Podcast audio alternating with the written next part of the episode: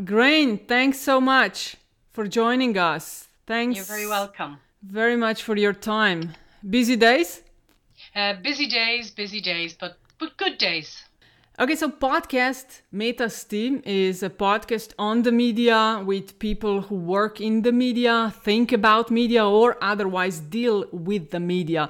Uh, podcast is hosted by Aljaž Pengov Bitenc, Radio Chaos, and Natasha Briški, Metas List, and you can find us on Twitter at Pengovsky and at DC43, and Metina Lista is at Metina Lista. And Aljaž, this episode will sort of uh, step on the other side, see how things look from the other perspective, not only Welcome from the, the dark side. Okay, Slovenia is facing a referendum on human rights on December 20th, uh, whether same sex couples deserve equal rights as heterosexual couples. Yes or no? Dr. Grainne Healy, uh, welcome to the podcast. Thank you. Delighted to be with you. Welcome to Metasti. You are chairwoman of Marriage Equality in Ireland, the organization which campaigned for uh, civil marriage rights for same sex couples in Ireland since uh, 2004. And you are also one of the key players and co director of Yes Equality. Uh, now, that was a huge thing that happened on May 22nd in Ireland. Uh, tell us a little bit about you and your role in Yes Equality campaign, and then we'll go from there on. Okay, well, um, as you say, I have been the chairwoman of Marriage Equality since um, well more than a decade now. And Marriage Equality was formed originally when two Irish women, Catherine Zappone and Anne Louise Gilligan, they got married in Canada and they came back to Ireland and they wanted to have their foreign marriage recognised, as many other people do when they get married abroad. But when they got back to Ireland, they were told that no, because marriage was traditionally seen as between a man and a woman, that they couldn't be recognised as married in Ireland. So that case really started what I see as the beginning of what became the marriage equality movement in Ireland. And myself and a number of other friends of Catherine and Anne Louise decided that we needed a broad based campaign to get the issue of equality for LGBT people and, in particular, for same sex couples to get it onto the political agenda. And I guess we spent the last more than a decade getting it on the political agenda. And then this year, uh, in, in May, as you say, we had a referendum that we had to fight. It was never our intention to have a referendum.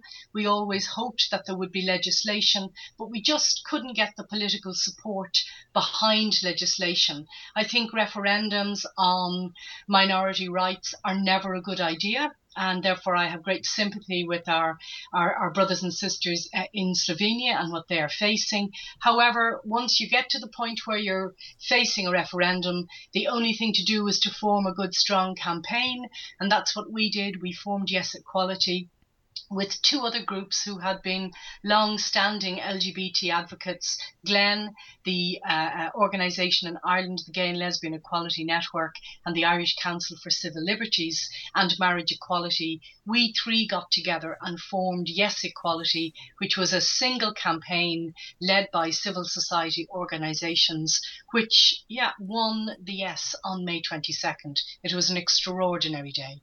Oh, definitely. Congrats for that and the whole campaign. And we would go, we will go into detail about how it was done. And exactly your role in Yes Equality campaign was what? I was a co director. We were originally hoping that we could hire somebody who had the experience of running referenda, and we have um, a, fortunate or unfortunate history. We've had 34 different referendas in Ireland since the foundation of the state. So it's a document that we deeply love, but we also do from time to time change it. And changing the, the constitution in Ireland is a very big deal. And the reason we ended up going for a referendum was marriage has a very particular, special, protected place in the Irish Constitution. Therefore, it is the highest legal document of the land. So when we were looking for somebody who would manage a campaign, we really ended up being unable to find a suitable person. And so Brian Sheehan from Glen and myself took on the role to be the co-directors of Yes Equality. So okay, let, let me just structure. a little bit interrupt you. What do you mean by you couldn't find uh, the right person? We we spoke to people who had headed other campaigns. Either they were people who were not interested in taking up this particular referendum issue, or there were people who were just too busy, or there were a couple of people who had just started new jobs. So just the time wasn't right. Uh, although we did try to headhunt people, we looked here, we looked abroad, but at the end of the day, uh, we formed an advisory group, and the group began to see that Brian and myself, because we were both so immersed in the issue, that actually the two best people to lead the campaign were here already. So we stepped into that role.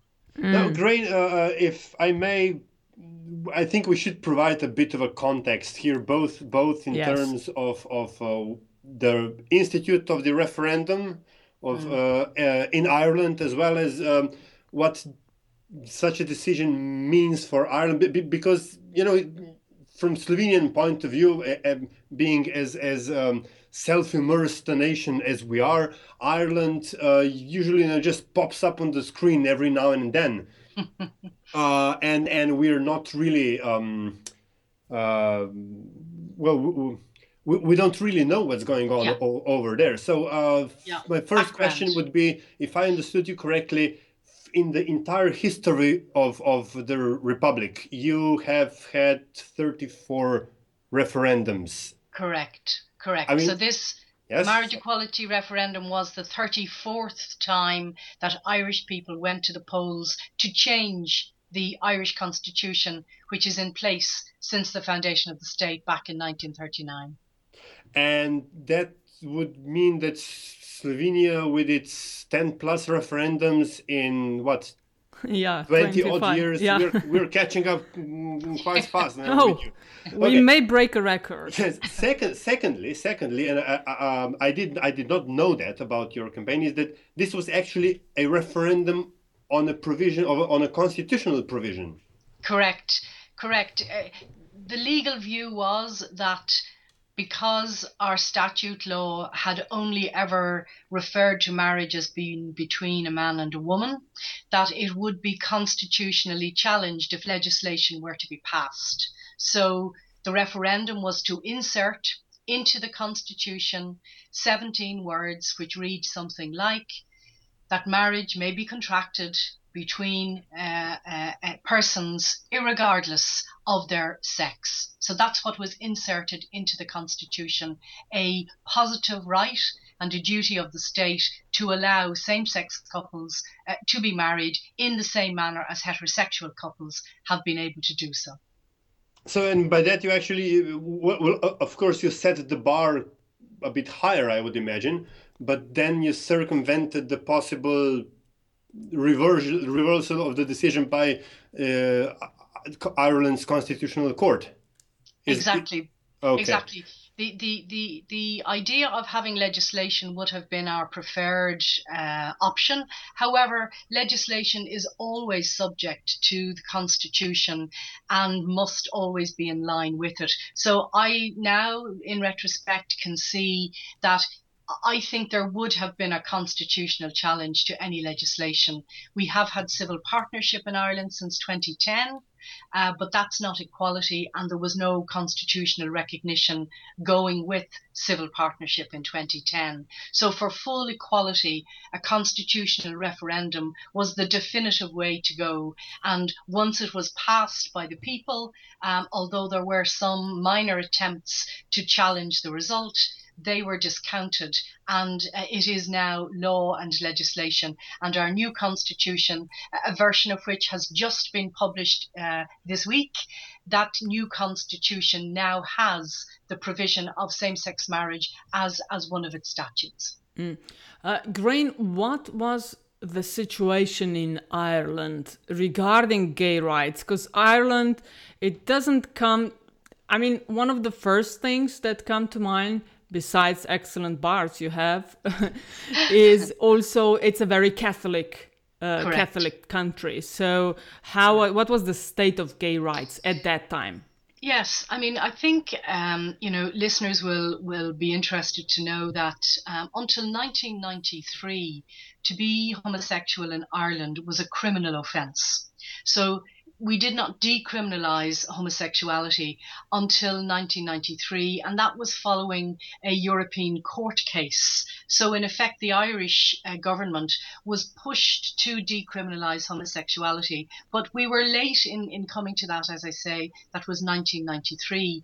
Since then, Ireland has had a number of very progressive uh, governments who have brought in um, legislation to provide for equality across a number of of grounds, which would include sexual orientation. So these would be laws to ensure gender equality, to ensure that uh, members of ethnic minorities and gay and lesbian people, amongst others, are all treated equally before the law, in employment, in education, etc. So we were moving into the 90s and into the noughties into a period of time where, by and large, there was a sense that Ireland was moving away from the control, the long history of Catholic dominance. And you're absolutely right. Ireland is a country where um, the vast majority of our 5 million population would still consider themselves to be culturally Catholic. That doesn't mean that they still go to Mass or that they follow the rules of the Catholic Church. But by and large, we are mostly educated by in Catholic run schools. Um, we are uh, a country where, while we do have other religions, Protestant, uh, Jewish, and some other minority religions, it is still true to say that the Catholic uh, Church is a huge influence. However, you may also be aware that during the 90s, there were a series of very, very disturbing uh, revelations about the yeah. uh, child abuse uh, being carried out by priests and Christian brothers in uh, Catholic institutions. And in many ways, the old moral authority that the Catholic Church held until then, I believe, and I think research is showing us that that experience over a decade of report after report showing how our children had been raped and sexually assaulted by people that we trusted so hugely. That had a big impact on people's view. And I think people began to separate out their own personal morality so, for example, on issues like contraception, on issues like abortion, and on issues like same sex marriage, people began to see that while the church may have set positions on things, its moral authority to dominate on those issues really was greatly impacted during those various cases that, that happened. So, you know, in many ways, we've also had in the 90s and the 80s and 90s, Ireland is a country where the women's movement has had a great influence. Feminism has been very influential. We've seen women moving into the workforce in huge numbers. We've seen now most married women now are also married, working at home and working in paid employment we're seeing more and more children in childcare where having two salaries is needed to run a modern family home in Ireland.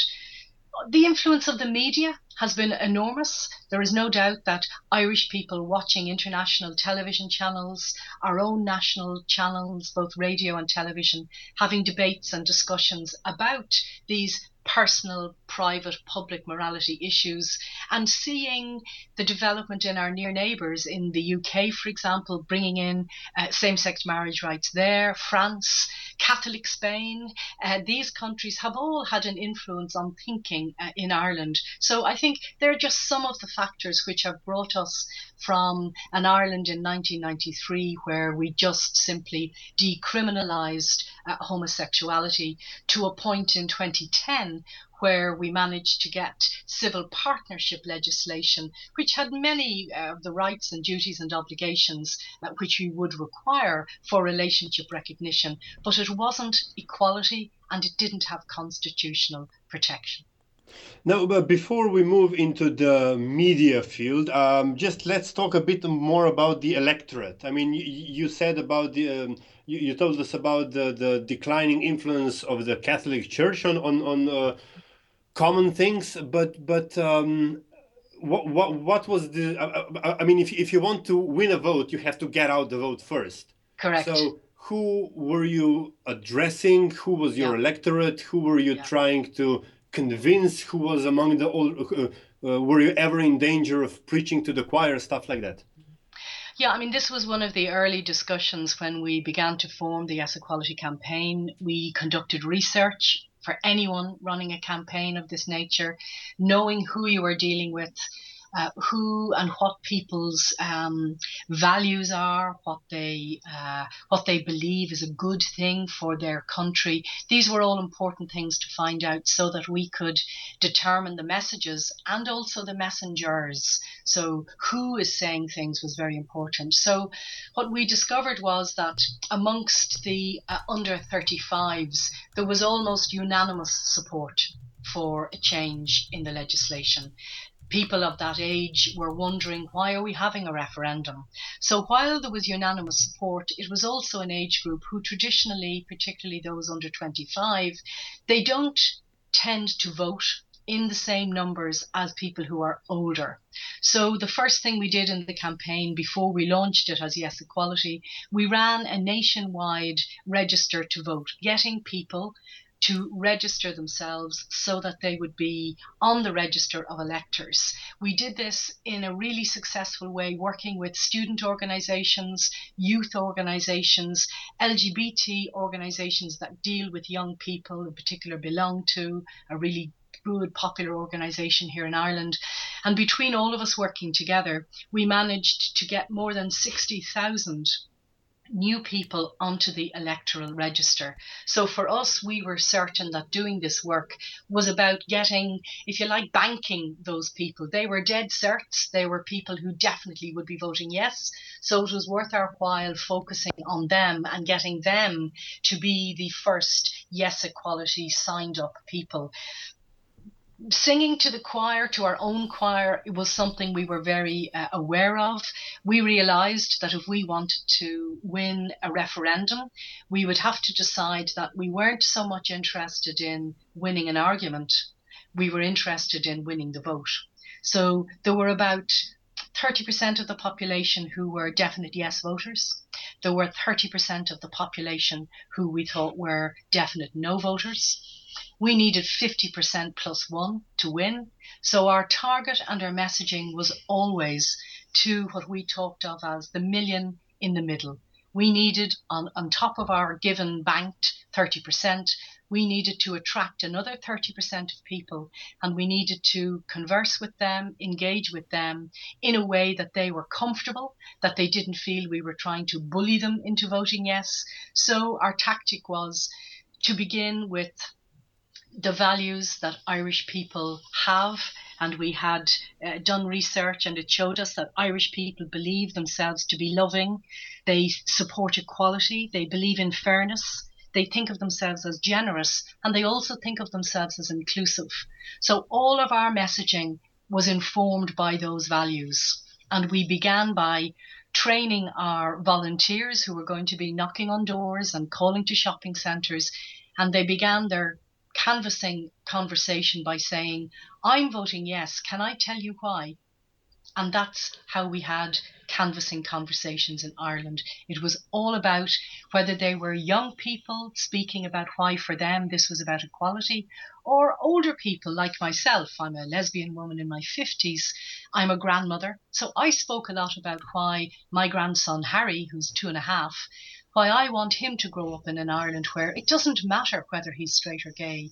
If he meets somebody and he marries them uh, and he loves them, that he should be able to marry them regardless. And that had a big influence on other older parents and grandparents who began to think, what if my child or grandchild was gay? So, in that way, we moved out from just singing to the converted LGBT people and we managed to get lots and lots of allies to come in and to have the conversations in public and in workplaces and in families across the, the kitchen table. And how many of you, Grainne, were part of the Yes Equality campaign that were able to focus your attention to work 24 7 for the yeah. campaign? How many?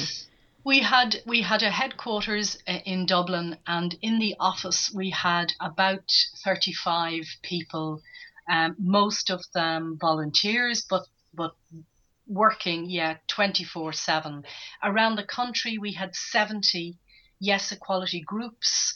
Uh, which were led by coordinators. These were all volunteers, all unpaid, um, and those 70 groups organised at the local level. And our job was to supply them with leaflets, information, training, and our very important, um, our biggest, uh, most successful canvassing uh, uh, tool were badges that we had printed with yes or the Irish word for yes, which is tá. And people began to wear these as badges of support.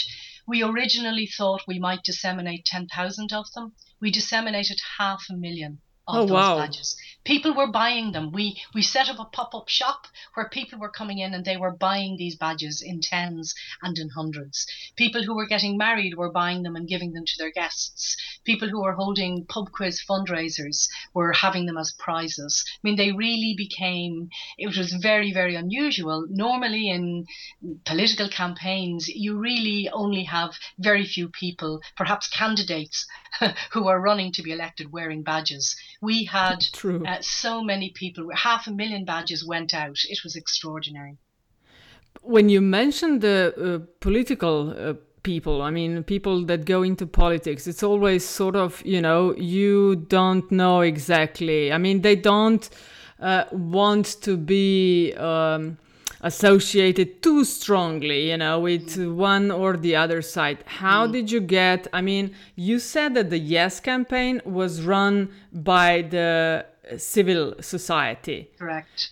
That yeah, is probably not yeah. enough to win such a big vote. Well, um, it was led by civil society, but really a lot of the work over the previous decade that marriage equality in particular had been involved in was meeting with and speaking with the leaders of all of the political parties, going to their conferences, getting them to pass motions at their conferences, to come to a position where by the time we were entering the referendum space, all of the political parties in Ireland, from left to right, were all supporters of the position that marriage equality was something that should happen in Ireland. No, However, that's a miracle.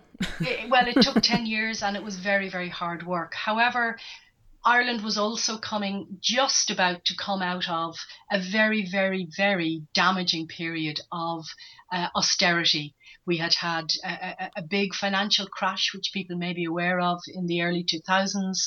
And really, by 2014, 2015, we were just just about coming out of that. But people were still very angry at the tax, new taxes and, and new charges which the political parties had brought in. So to be a political party in a political party or to be a member of government at that time was not a very popular place to be. So we spoke with the political parties and they agreed with us that if they were to lead this campaign, people would use the issue as a political football. They would be against it just because they were against the government. So uh-huh. instead, the political parties agreed with us that we would lead it and they would come in in their usual fashion and 30 days out from the vote they would each run their own campaigns but we were on the ground and we were yes equality for months before that. And in essence, they then took on the Yes Equality banner and they became Yes Equality supporters uh, in the final month of the campaign. I'm sorry, I still can't get over the fact that you actually had near unanimous support across the political spectrum. Yeah, that's yes. a biggie.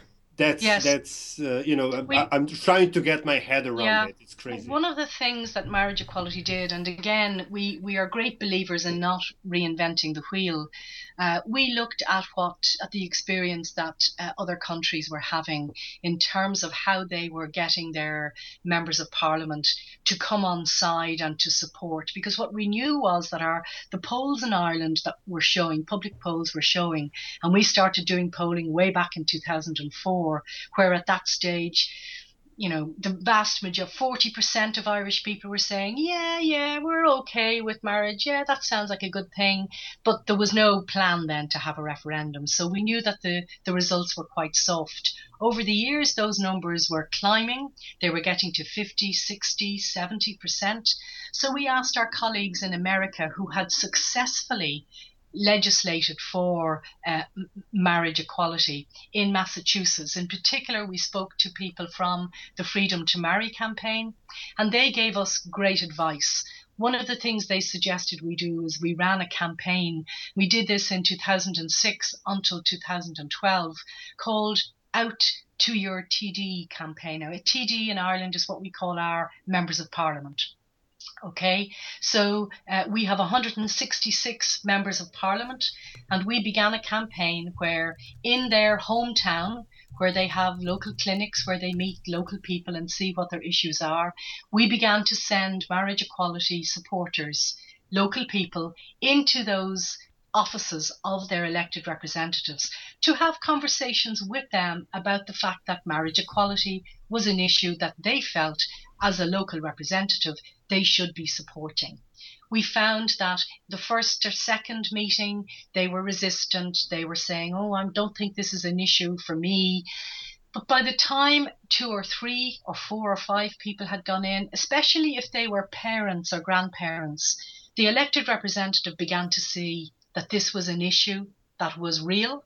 And as an elected representative, it was an issue that they needed to start asking their parties why they weren't supporting it.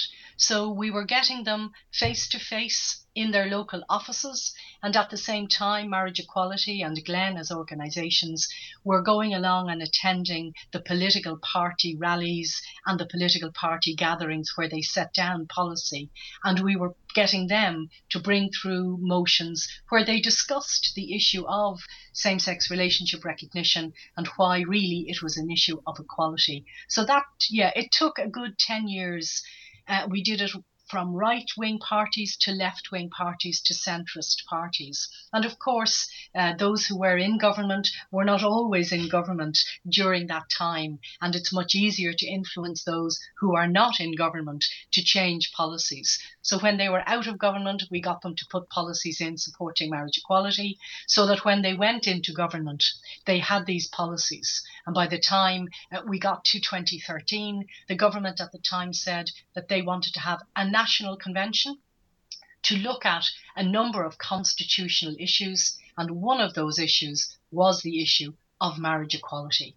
So a constitutional convention was held where 100 people 66 of them just chosen from the electoral register, not involved particularly in any campaign. And they met with 33 elected representatives and they discussed the question that was put to them should the government provide for same sex marriage in Ireland? And they voted by 79% that the government should and that it should hold a referendum. So that was 2013, and it took uh, a, a, year for the government to give us a date for a referendum, but they accepted the Constitutional Convention recommendation. And at that stage, the Prime Minister said for the first time that he would come out and he would support marriage equality. And so that brought his party, the last party, the largest party, uh, into the field as marriage equality supporters. Well, I guess that's one one of the advantages of the majoritarian voting system that you can have direct influence on your MP. Uh, yeah. But but you you mentioned that the whole the, the referendum was held on the but basically in the aftermath of the of the uh, financial crash that yes. hits. I, I, think Ireland was the second in line right after Iceland, yeah, right? That's right. Um, no, before that, Ireland was hailed as the Celtic Tiger. Everybody oh. wanted to do business there. Google, Microsoft, you name it. And, and in, in my, albeit um, non professional experience, people who are relatively well off, even perhaps as a nation, tend to get more conservative lest they lose their their comfort zone. Now, mm correct me if I'm wrong, but could it be that that this um, loss of, of, of cushion that happened with the crash sort of made the people of Ireland aware that you know maybe things that we took for granted are not shouldn't be taken for granted. Maybe we're all in this together. Mm. I think that's a very good question. And when we did the research, we wanted to find out had the austerity experience as you say, had it made people more conservative? Uh, I mean, in, in voting terms, Ireland only introduced uh, divorce. Uh, you know, in 2006. So we are quite a concern, and we, we'd had a previous referendum. We still don't have abortion rights in Ireland, despite the fact that we've had three referenda on that issue and I think we're probably going to have another one in the next year or two on the same issue. So there, there definitely is a question of does austerity make people more conservative? However, some of the the conversations that we saw that were happening in Ireland were about people saying, oh, you know, people were buying houses and they were overextending themselves and they were taking out bank loans and you know the irish people in some ways lost a true sense of who they really were. Let's get back to the kind of values that we, we value about ireland. And this is where those more generous values actually were the ones that people wanted to get back to and they were the kinds of values that we focused on, reflecting them back to people and saying, you know, people who hold these values, they're the people who will vote yes. Are, are you are you one of these people? So so again, I think, you know, knowing who your target audience is, knowing where they've come from, and knowing that we were at a point in Ireland where people had learnt very hard lessons. And yes, Ireland would have a GDP, a very high uh, GDP, and there are many very wealthy people in Ireland, but it also is a society that's quite polarized. There are very, very many people who are poor and many people who had lost their homes and their houses during uh, the austerity period, and some of those people have not managed to get their lives back together. So, so we were aware that this was an issue which you know, it wasn't as if it's going to cost the government a lot of money to bring this in. The only people who will be paying are people who are lesbian or gay who want to get married, and that will be the only expense. It is not a, a costly thing to give equality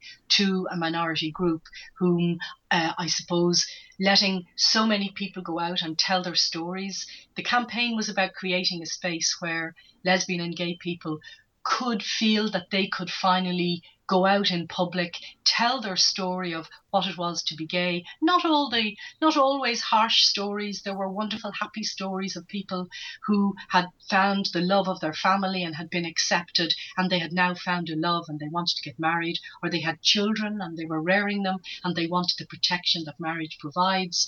But also, we provided a space where public people who had been yeah, closeted in the past had come out. For example, our Minister for Health came out as a gay man uh, in in February uh, of this year. That was a huge political gamble that he took, but people really respected that as a gay man, he was finally coming out publicly and he was saying he was coming out because he wanted to be able to vote yes and to call for a yes vote and not feel that people would be perhaps suspicious of him or think that he wasn't honest.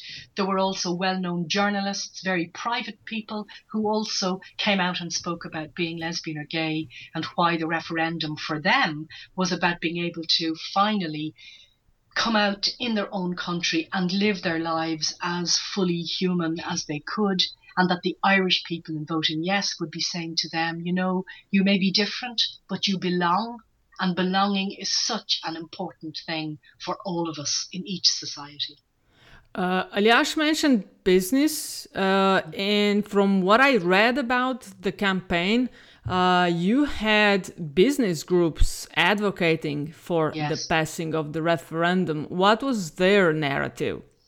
Um, the business groups uh, were uh, on two levels. One, there were lots of businesses and employment places who, through the trade union movement, came out publicly. Uh, so we had lots of professional groups, lawyers for yes, doctors for yes, hairdressers for yes, uh, IT companies for yes. So many of them were driven by the trade union movement uh, as workplaces. But the other side of that was employers.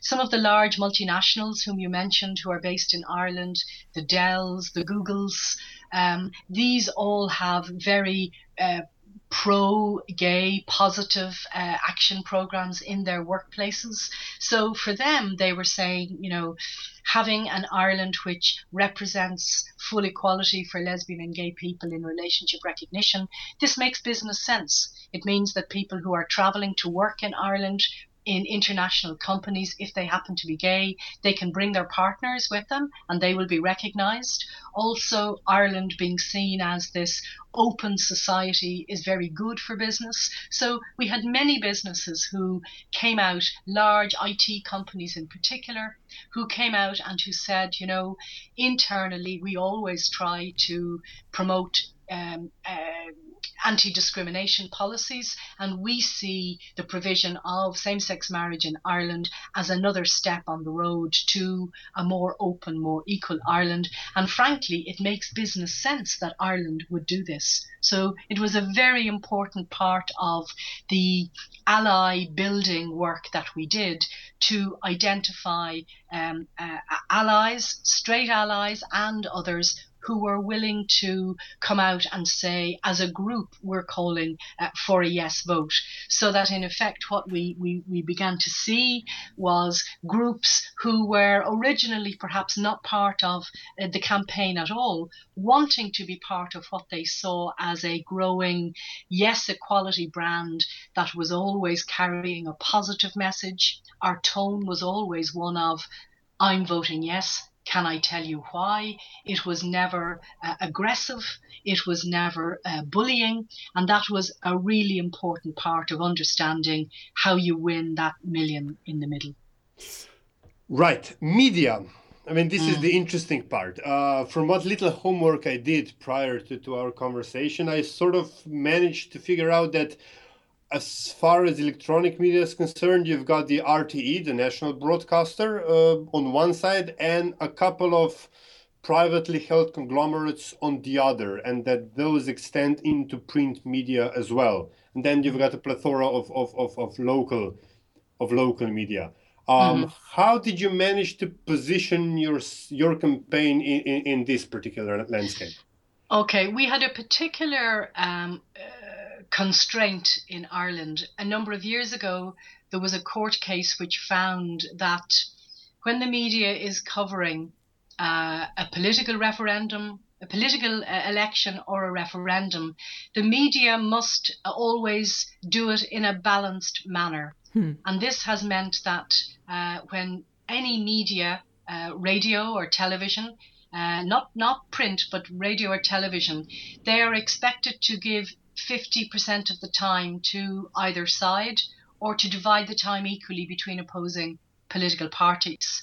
So and we sorry, j- just to get clear, that's regardless of our ownership, not just public media. Regardless. Okay. Yes, ah, regardless. private media as well. Uh, well, uh, yes, uh, anyone who is broadcasting. Oh. Anyone who's broadcasting. Okay. So, how how this is interpreted varied across the, the media channels. So, for example, as you as you mentioned, our national uh, radio, our national television station, and we have two, two or three other uh, uh, stations that people would watch here, Irish ones, and then we have the international ones which come in also. But the national broadcaster would be hugely influential, and they chose to interpret this in a very narrow way, where literally, if I was on speaking for three and a half minutes, they would then have to have somebody from the no side on speaking for three and a half minutes where they had yes and no on at the same time. They were watching the clock to the second to make sure that they were putting yes and no sides in terms of time in an equal manner. However, what this meant was that the media, instead of being more interested in interrogating the yes and the no sides, they were watching the clock. Oh my God. So Yeah. yeah. So what we found was that, for example, we would be on and we would be speaking about what people were saying, what the issues were. The no side began to speak about issues that weren't actually relevant to uh, the campaign. For example, they were saying, oh, if this comes in, there'll be surrogacy and there'll be gay sure. people having babies, surrogacy. So, so, you understand the term surrogacy? Yeah, yeah, yeah sure. Yes, it, it's it, the same it, happening here. so I know okay. the drill. So, so the fact was that the um, the National Association here, an independent body who are responsible for adoption and things like this, they had come out. Uh, and the independent chairman of the referendum commission, who makes sure that everything happens fairly, he had also come out to say, I want to say to voters, this referendum is about marriage equality. It has nothing to do with surrogacy, which is a separate issue and it will have to be regulated separately. No matter how many times he said that, when the no side were on radio or television and they would repeat their claims that this was a vote for or against surrogacy, in our view, the media, because it was so busy watching the clock, rarely really challenged them on the fact that they were really misinforming the public. So that was a big media challenge for us that uh, we did we did complain. However, we decided there's no point in complaining. We just have to keep keep our own messages as strong as we can, and where we can to you know contradict what they were saying. But it when we think about it, the issue of, of surrogacy is a relatively new issue in Ireland. People don't know much about it. So to try to frighten people by saying, oh, surrogacy, which is where children don't know if they're going to have a mother or father, and women's bodies are used, they're bought, and they're paid for. I mean, the worst types of surrogacy model was what the No campaign were laying out. And I think it did frighten a number of people. And while we won, and we won very handsomely, I think that the analysis of the vote, which many of the universities are now doing, I would be surprised if that analysis doesn't show that those misinformations I think they had an effect on people. And I think people, some people voted no because they were fearful of some of that scaremongering tactics that the no campaign used the media to allow them uh, uh, uh, to, to put out there. You probably expected this to happen, right? You were yes. not surprised. Yes. But you were more surprised, uh, if I understand you correctly, by how the media dealt Correct. with it. Yes, that I that is true. We knew that the issue of children, whether that is same-sex parenting or adoption, uh, that that uh, and surrogacy, we knew that these were all issues. Um, in the three months leading up to the referendum vote itself, there had been a a new piece of legislation dealing with many of these issues about adoption, uh, etc., guardianship for same sex parents. So that legislation had all been passed, but surrogacy was not part of that legislation.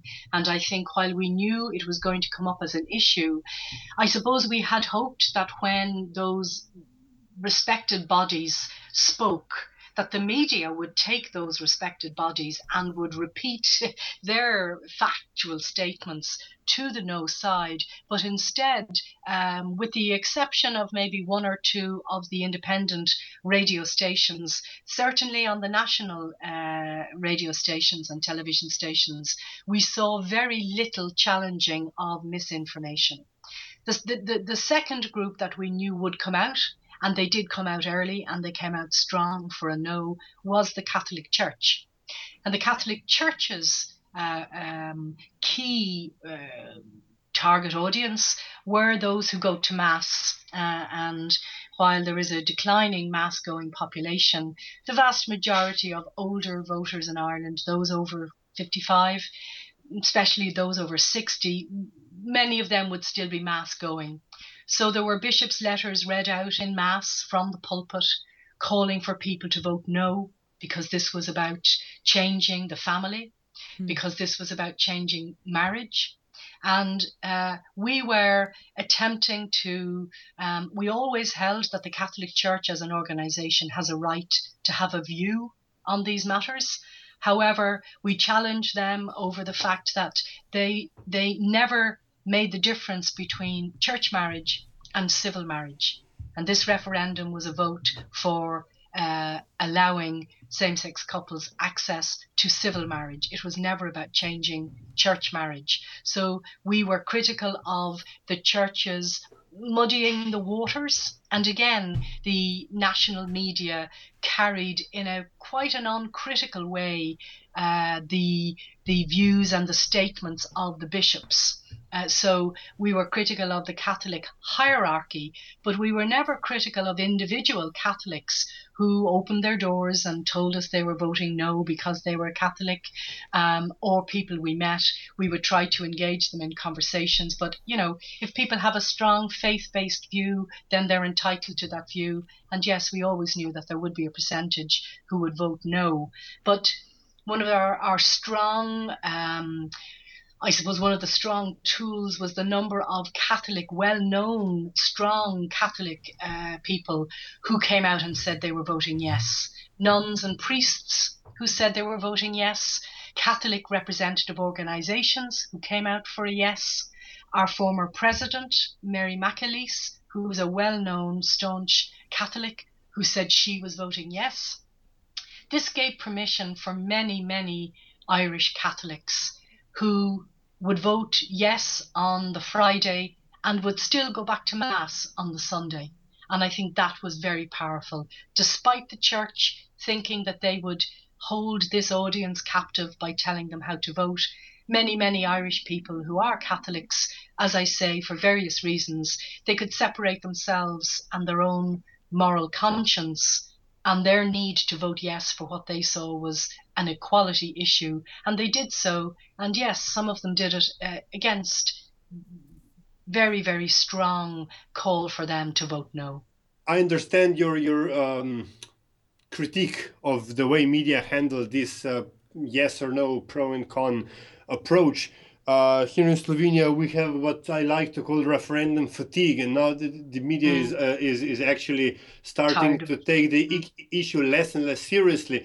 Uh, uh, I mean, less and less stringently, let's say, because mm. Uh, at first they too would, you know, watch the clock and make sure everybody had enough time, regardless of how relevant or irrelevant what they mm. had to say was.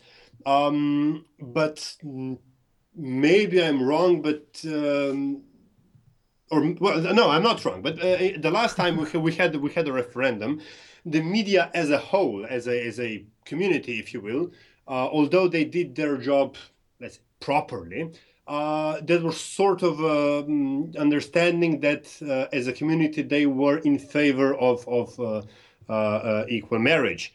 Mm. however, that didn't matter on the on the day of the vote. So, mm. how influential was or is media in Ireland, our media in Ireland? Um, uh, hugely influential. Um, I think one of our uh, greatest successes of the campaign was our use of social media. From the beginning of the campaign, we realized that many of our key champions were social media experts. Uh, anyone under 40, maybe I'm even being a bit harsh on people over 40, but definitely presence on Facebook uh, presence on uh, Twitter, all of these um, social media platforms, they were the places where we we on a daily basis were sending out tweets, giving people messages, uh, telling people who was the latest person who was coming out for a yes and what had they said these were being retweeted and shared. Um, you know, there were millions uh, uh, uh, of these. Uh, we had a we had um, somebody did a study and looked at the the tweeting map of Ireland and how it was alight during the campaign, uh, particularly in the, the last number of weeks. So, so for people who were, um, whether it was a Catholic priest who comes out, or a nun, or or a Protestant bishop, or or a mother of seven children or a grandmother of 23 children when people like that came out or or singers or celebrities or comedians or whoever it might be when those people came out and said they were sharing they were for yes equality we would get those images and texts right around the, the platforms. And what that did was, I think it made people feel that they were very much a part of a living, vibrant, active campaign. And while traditional media were perhaps a little more considered in their approaches, social media was not bound by uh, the, the, the case social media could be entirely uh, biased in yes or no or, or whatever way they wanted to go. So we had great freedom. We spent a lot of our time and energy, and we had a whole team of, of experts, young volunteers working on the social media campaign. Um, and I think, I mean, some of your listeners, uh, the, the, the, the two co-directors of the campaign, myself and Brian, and one of our strategic advisors, we've, we've published a book called Ireland Says Yes, and it's available online. And it looks at the strategies that we used to win the campaign. And in particular, it details how the social media platforms were something that we made much better use of than the no side did because we knew that that younger age group were on social media and they were expert at getting messages out. We also used social media as part of our mobilization. So each of the 70 groups around the country, they each had their own closed WhatsApp group where they would be able to tell each other when they were meeting, where they were going canvassing tonight. Uh, we had a national WhatsApp mobilization group where again we would send out messages about what's happening in the media today, what was said yesterday, what are the key messages we think you should focus on. I myself did a daily vlog, a video blog every day for the last 21 days of the campaign where we spoke directly to the Yes campaign supporters. We addressed issues that came up, such as if there was a debate on television and people were worried that maybe the Yes side hadn't done well, we would allay their fears. So that that that sort of online social media presence allowed us in a way to combat the narrow understanding of how the campaign should be treated by the media. I think the no side always maintained that the the media was biased towards the yes. I have to say, I have seen little evidence of media bias in terms of the debates that happened or the amount of time that was given. It is possible, of course, that the media are usually, you know, the more liberal side of a society. They tend to be better informed and they tend to be yeah, more more liberal. So it is possible that individuals in the media were more likely to be yes voters than no voters. But I think the the the um, the presence of that court case and the need for the national media to deal with the issue in a very strict and stringent manner left the social media field wide open, and we certainly took huge advantage of that. Interestingly enough, we didn't pay for much social media presence. But we know that the no side purchased space on social media. So I guess that tells us that our social media was mobilizing the mobilized for a yes, whereas the no side were trying to mobilize and they weren't getting the kind of traction. So they were paying for space to have their messages shared uh, on social media. Were so, you so, sorry, Natasha? No, but, no, go uh, ahead. Go no, you go ahead. Okay, so on May 22nd, Ireland surprised the whole world by voting yes in a referendum uh, enabling same sex marriage. And you, as you mentioned, just published a book. Uh, you are one of the authors. Ireland says yes, the inside story of how the vote for marriage equality was won. We will post a link for the book right. where you detail all the background. Could you tell us a little bit also about?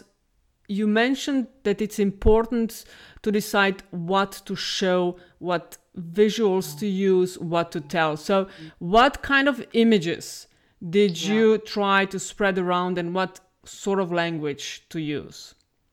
We, we again, from looking at our research, the messengers, the people carrying the messages, were just as important. So, for example, um, we we tended to show lesbian and gay couples and their children as part of the wider family network that they belong to. To the extent that some of our images and posters, people would look at them and they'd say, "Which ones are the gays?" That was the exact point. The point is that in a family in Ireland, there are lesbian and gay people who are part of their wider family. They don't stick out as different. They don't have horns. They don't have blue heads. They are no. part of the. They are part. not all of them. They are part of the the community, and therefore, in voting yes, voters are being asked to simply provide equality for all members of the community. So our posters um, the, the, the images that we put out there, when we had images of people during the campaign, they tended to be images of people in their family. They tended to be images where, for example, we had a leaflet that we produced that was posted into the homes, over a million homes across uh, Ireland um, in the weeks leading up to the referendum. This was a, a four page little booklet, and the images in that showed lesbian and gay people with their parents, with their sisters, with their children. We also had sportsmen. One of the uh, groupings of people that we realised in our research were most resistant to moving to a yes vote were men over the age of 45 for all sorts of reasons. They're more likely to be worried about sexual orientation issues. They're not as easy as women are on the issue of sexual orientation. They perhaps have less uh, understanding and engagement uh, on these issues unless they are themselves uh, gay. So the people that they listen to are other men. So we targeted sportsmen in Ireland. Sport is a hugely community activity. It's a national uh, matter of pride. Our rugby uh, sports players, our Gaelic football and hurling stars, uh, uh, these were the people that we approached and asked, if you support this, would you say so publicly? Because men of that age respect you and they see if you're voting yes, well, then it must be okay. So that was a strategy we used in our posters. Some of these well known sports people who said things like, I'm not gay, but if I had a son, I hope that when he grows up, he'd know I did the right thing and voted yes. Or uh, uh, I play in a football team and I know one of the guys on our football team is gay that's okay. We're all sportsmen. We all work together. But I would like him to have all the rights that I have. So I'm voting yes, so that all the sportsmen can marry the person they love. So those kinds of messages were hugely important. And that leaflet was hugely important because it meant that going into each house, there were Im- positive images of what lesbian and gay families looked like and images of people that the public recognized. And they were all voting yes. So you're always creating the space where you're making it okay for people who may have reservations to move to a position where they say, you know, on balance, I think this is about equality. So I'm voting yes because I'm a person like other Irish people who believes in value in, in the value of uh, equality. And when you were confronted with uh, the opposite side talking about the surrogacy and all sorts of bullshit flying around. Uh, you decided not to fight with these 100% lies, trying to win the argument, right? Correct. Instead, we were approached by all of the children's rights organisations in Ireland, the Barnardos, the whoever, those who work on a daily basis promoting and protecting children and they came out individually and in uh, coalitions calling for a yes vote because they said a yes vote was in the interest of children. So we let them fight with the opposition. We did not enter into pitched battles with the opposition. Instead, we would say, well, Barnardo's and the Children's Rights Alliance, they have all come out to say they're voting yes because they say a yes vote allowing lesbian and gay people to get married is actually good for the children in those families. So we are very happy that they are coming out. So it it it was about getting other organizations that the public would listen to and that they respect and getting their leaders to come out publicly. That was hugely powerful in radio and television debates, where people who knew these individuals, who headed up organizations, who were very well respected and renowned for decades as being champions for children's rights. If they were saying this was a good thing for children, then the opposition began to sound like hmm, maybe they're not telling the full truth, or maybe they're part of some of those organizations who in the past have been linked with organizations who haven't been very good for our children. So I think those organizations were hugely influential in winning the yes vote and in giving people the reasons for voting yes in a positive way. What would you say worked the most and what did not? The personal stories worked the most. They they gave us space in magazines. They gave us space on national radio and television. The media are always interested and will cover stories. We also had a bus a yes bus that travelled around the country to the most rural, isolated parts of Ireland where we met with local groups and did canvassing in those places, but always the canvassing was about the personal stories. Everyone who's a champion uh, currently in Slovenia who wants a yes vote must have their own yes story. The reason I'm voting yes is for my grandson. The reason I'm voting yes is I believe in equality. The reason I'm voting yes is because I'm gay. My brother is gay. My sister is gay. These stories are what changed hearts and minds because they made people who thought this is something that's just about gay people. People began to see actually this is about the whole of Irish society having an opportunity to say yes to a group of people that we have treated badly historically. And this is an opportunity for us to show that we actually are not like that anymore. So that's what worked really well. And I think in, in any jurisdiction, that I think is a crucial um, learning from the campaigns. We learned it here, we learned it from our American colleagues, and, and I would put that forward. In terms of what didn't uh, work well, well, I guess given that we managed to get um, over 60% of a turnout, it was the highest turnout in a referendum ever, and we always knew that a high turnout would work well for us. That's not always the case, but we knew it would. Um, turnout is something that we worked hard on and we were successful, but I think it's often something that is overlooked by others. That you need to get your best champions out there, get those who you know are in segments of the population who are most likely to vote yes, make sure they're registered and get them out there. And the last thing, I think, raising fund money, fundraising fundraising is always a challenge. We had a challenge. We didn't bring in money until quite close to the end of the campaign, yet we had to make decisions about spending money on leaflets and posters.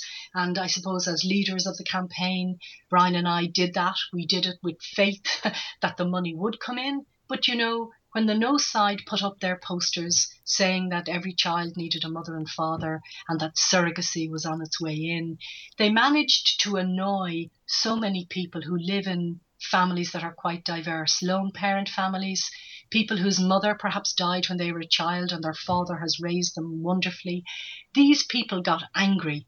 And within a fortnight, within two weeks of those posters, we had raised more money for the campaign than we had in the previous six months. So, so actually, we say it clearly in the book. The no side actually, their actions contributed to our financial coffers in a way that we could never have imagined. So, was it the donations that paid for the campaign, yes. or yes. only donations? Only donations, and again, we have very strict rules around donations. There are limits to what can be given anonymously. Up to 100 euros can be given anonymously. Anything over that, we need to have the name and address of the person who gives it.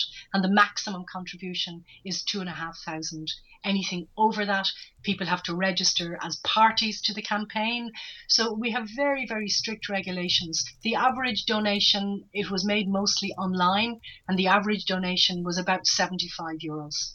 We are totally giving away all the secrets, Grainne. Yeah, it's it's it's like it's like a blueprint. Um, it's, it's it's one of the criticisms of the book here in Ireland really? that yeah that some people feel they've really given away the secrets of how to win a referendum campaign. But you know, when we did our research, we realised the no side were doing their research too. Polling companies were saying, "Oh, um, we won't take that on now because we're doing research very similar to that for another client." So, you know, they're already doing, the, the opposition are doing their polling, they're working out their messages. And I suppose if the book is about one message, it's about you need to really plan your polling, your messaging, your mobilization. Here's how we did it. And it can be replicated, not exactly, but it can be replicated in terms of the principles of how to do it. And I guess we wanted to share that because we got to the point of fighting a referendum. And although we had been working on LGBT rights for decades, we didn't have that experience within the community. So for other LGBT organizations who may be fighting a referenda, these are, it's a bit of a handbook to help them. And are we giving it things away? I think the other side have lots of money and resources and they're doing all their own planning. So for us to put out the idea that we need to be as organized as they are to win, and when we are organized, we will win. So the recipe being door to door, county to county, soft tone, we want to belong and personal stories face to face. Yeah. Yeah. Yeah. And and the values. You know, I spoke with a colleague from Germany and she said, "Oh, you know, I don't think German people would think, oh, loving, equality, fair. I don't think they're German values. And I said, well, you know, what you need to do is you need to sit down and with your pollsters, you need to look at what are. So the, the, the values in Germany might be hardworking, tenacious. they may be different values, but so long as you know what the values are, you can then reflect to people and say, you know, these are the values of those who vote yes. Well, I, I, mean, as far as I'm concerned, the main the main takeaway of this this episode of of, of podcast is one preparation, which uh, not notorious is notoriously lacking in progressive campaigns in, in Slovenia, and second, uh, the the supposed disinterest. I mean, not not being actually interested in in in in the media landscape. Uh, I, I, mean, a lot of campaigns, be it conservative or progressive in Slovenia, they take issue with how media uh, mm. cover these campaigns. And as far as I'm concerned, uh, the main takeaway is the fact that you just accept this as it is and let others maybe take up this particular fight while you're focusing on, on the message. Yeah, the, the, the, the clear from the beginning we had a sort of a one page statement and again it's it's in the book of what the campaign was for. And the last statement uh, on that page says, you know, any other work is not our business. So there were lots of other pieces of work that came our way that people wanted us to do, like challenging the media, uh, challenging the education system, challenging. We said, no, no, that's not our work today.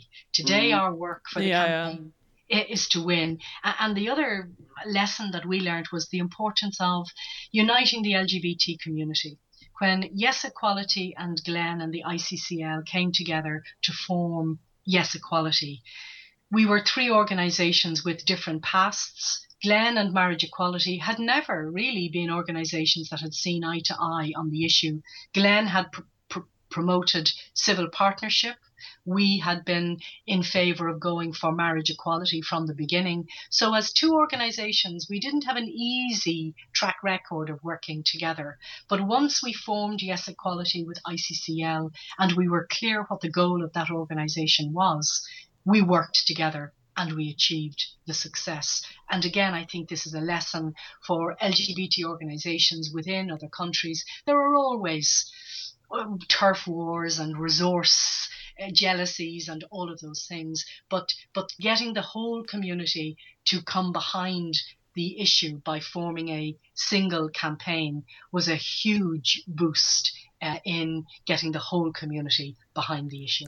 The referendum on May 22nd, and I checked the bill was signed into law by the President of Ireland on August 29th, and the law enabling same sex marriage went into effect a couple of weeks ago on November 16, right? Exactly, and we've already had our first marriages uh, being conducted on Irish soil for same-sex couples and it's been wonderful. And again the media have been great in, in showing the photographs of these happy men and women some of whom may have been civil partnered some of them waited uh, until now so that they could get married.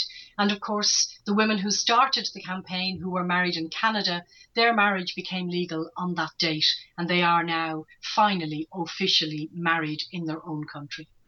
Aljaž, time for time for tell me something I don't yes, know. Yes, yes, we don't know. Do. Ahead. okay, uh, Dr. Grainne Healy.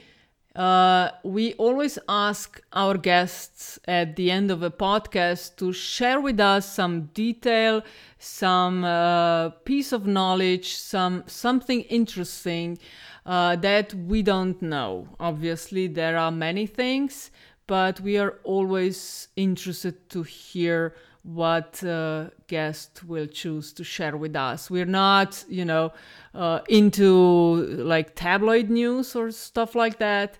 Just something, you know, piece of information, something we maybe should know and don't. Mm. Um, in thinking about this, I suppose um, something that uh, uh, listeners might be interested to know about me. My, I really began uh, my activism in LGBT politics uh, when Katherine and Ann Louise took their case.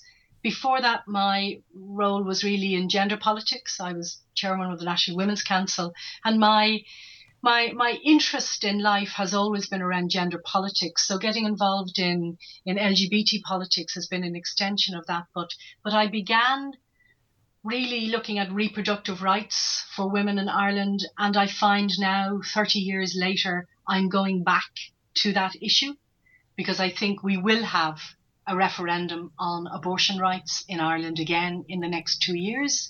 And I guess for me, for many people, my public profile is now as an LGBT activist, but I'm going back to my roots and I will be part of a campaign which hopefully will repeal the Eighth Amendment, which is the amendment to the Irish Constitution that gives an equal right to life to a fetus as it does to a woman. And I hope that we can remove that so that women in Ireland will actually have reproductive rights. So in some ways, it seems as if my whole life is about this Irish constitution. And I've only just realized that when you asked me that question of think about something. It's something that I'm realizing about myself. So I thought I would share that uh, with, with listeners. Thanks. But isn't it also a bit sad to discuss the reproductive rights in 2015, 16? Oh, yes. Yeah. And I this mean, is not going to be an easy one, I can tell you. Unlike Unlike the marriage referendum, where people, many people were just coming to the issue for the first time, abortion is a very, very polarized position, and there is no political consensus on it. Wish you all the best Thank with you. it. Um, tell us also where can people find you online? Yes, um, our uh, marriage equality, www.marriageequality, all one word, .ie, or Yes Equality 2015. Both of those websites uh, have links to myself and uh, to my work, and people are uh, very welcome to go on there to get more information about anything that I have, have, have spoken about. And your Twitter handle is? Goggs Healy at G O G G S H E A L Y. Goggs Healy. Okay, thanks. Aljaž, you want to add something? Uh, Dr. Healy, thank you very much for, for sharing, for the tips, for the um, for the pitfalls, or, or um, rather um, telling us to which pitfalls to watch out for, uh, and also for this um, in, input from the Irish perspective. especially Thank from, you, from, from, the med- from the media side. Thank you. Yeah. Best of luck in Slovenia. Yes, thanks for everything. All the best. Thank you. Thank you very much.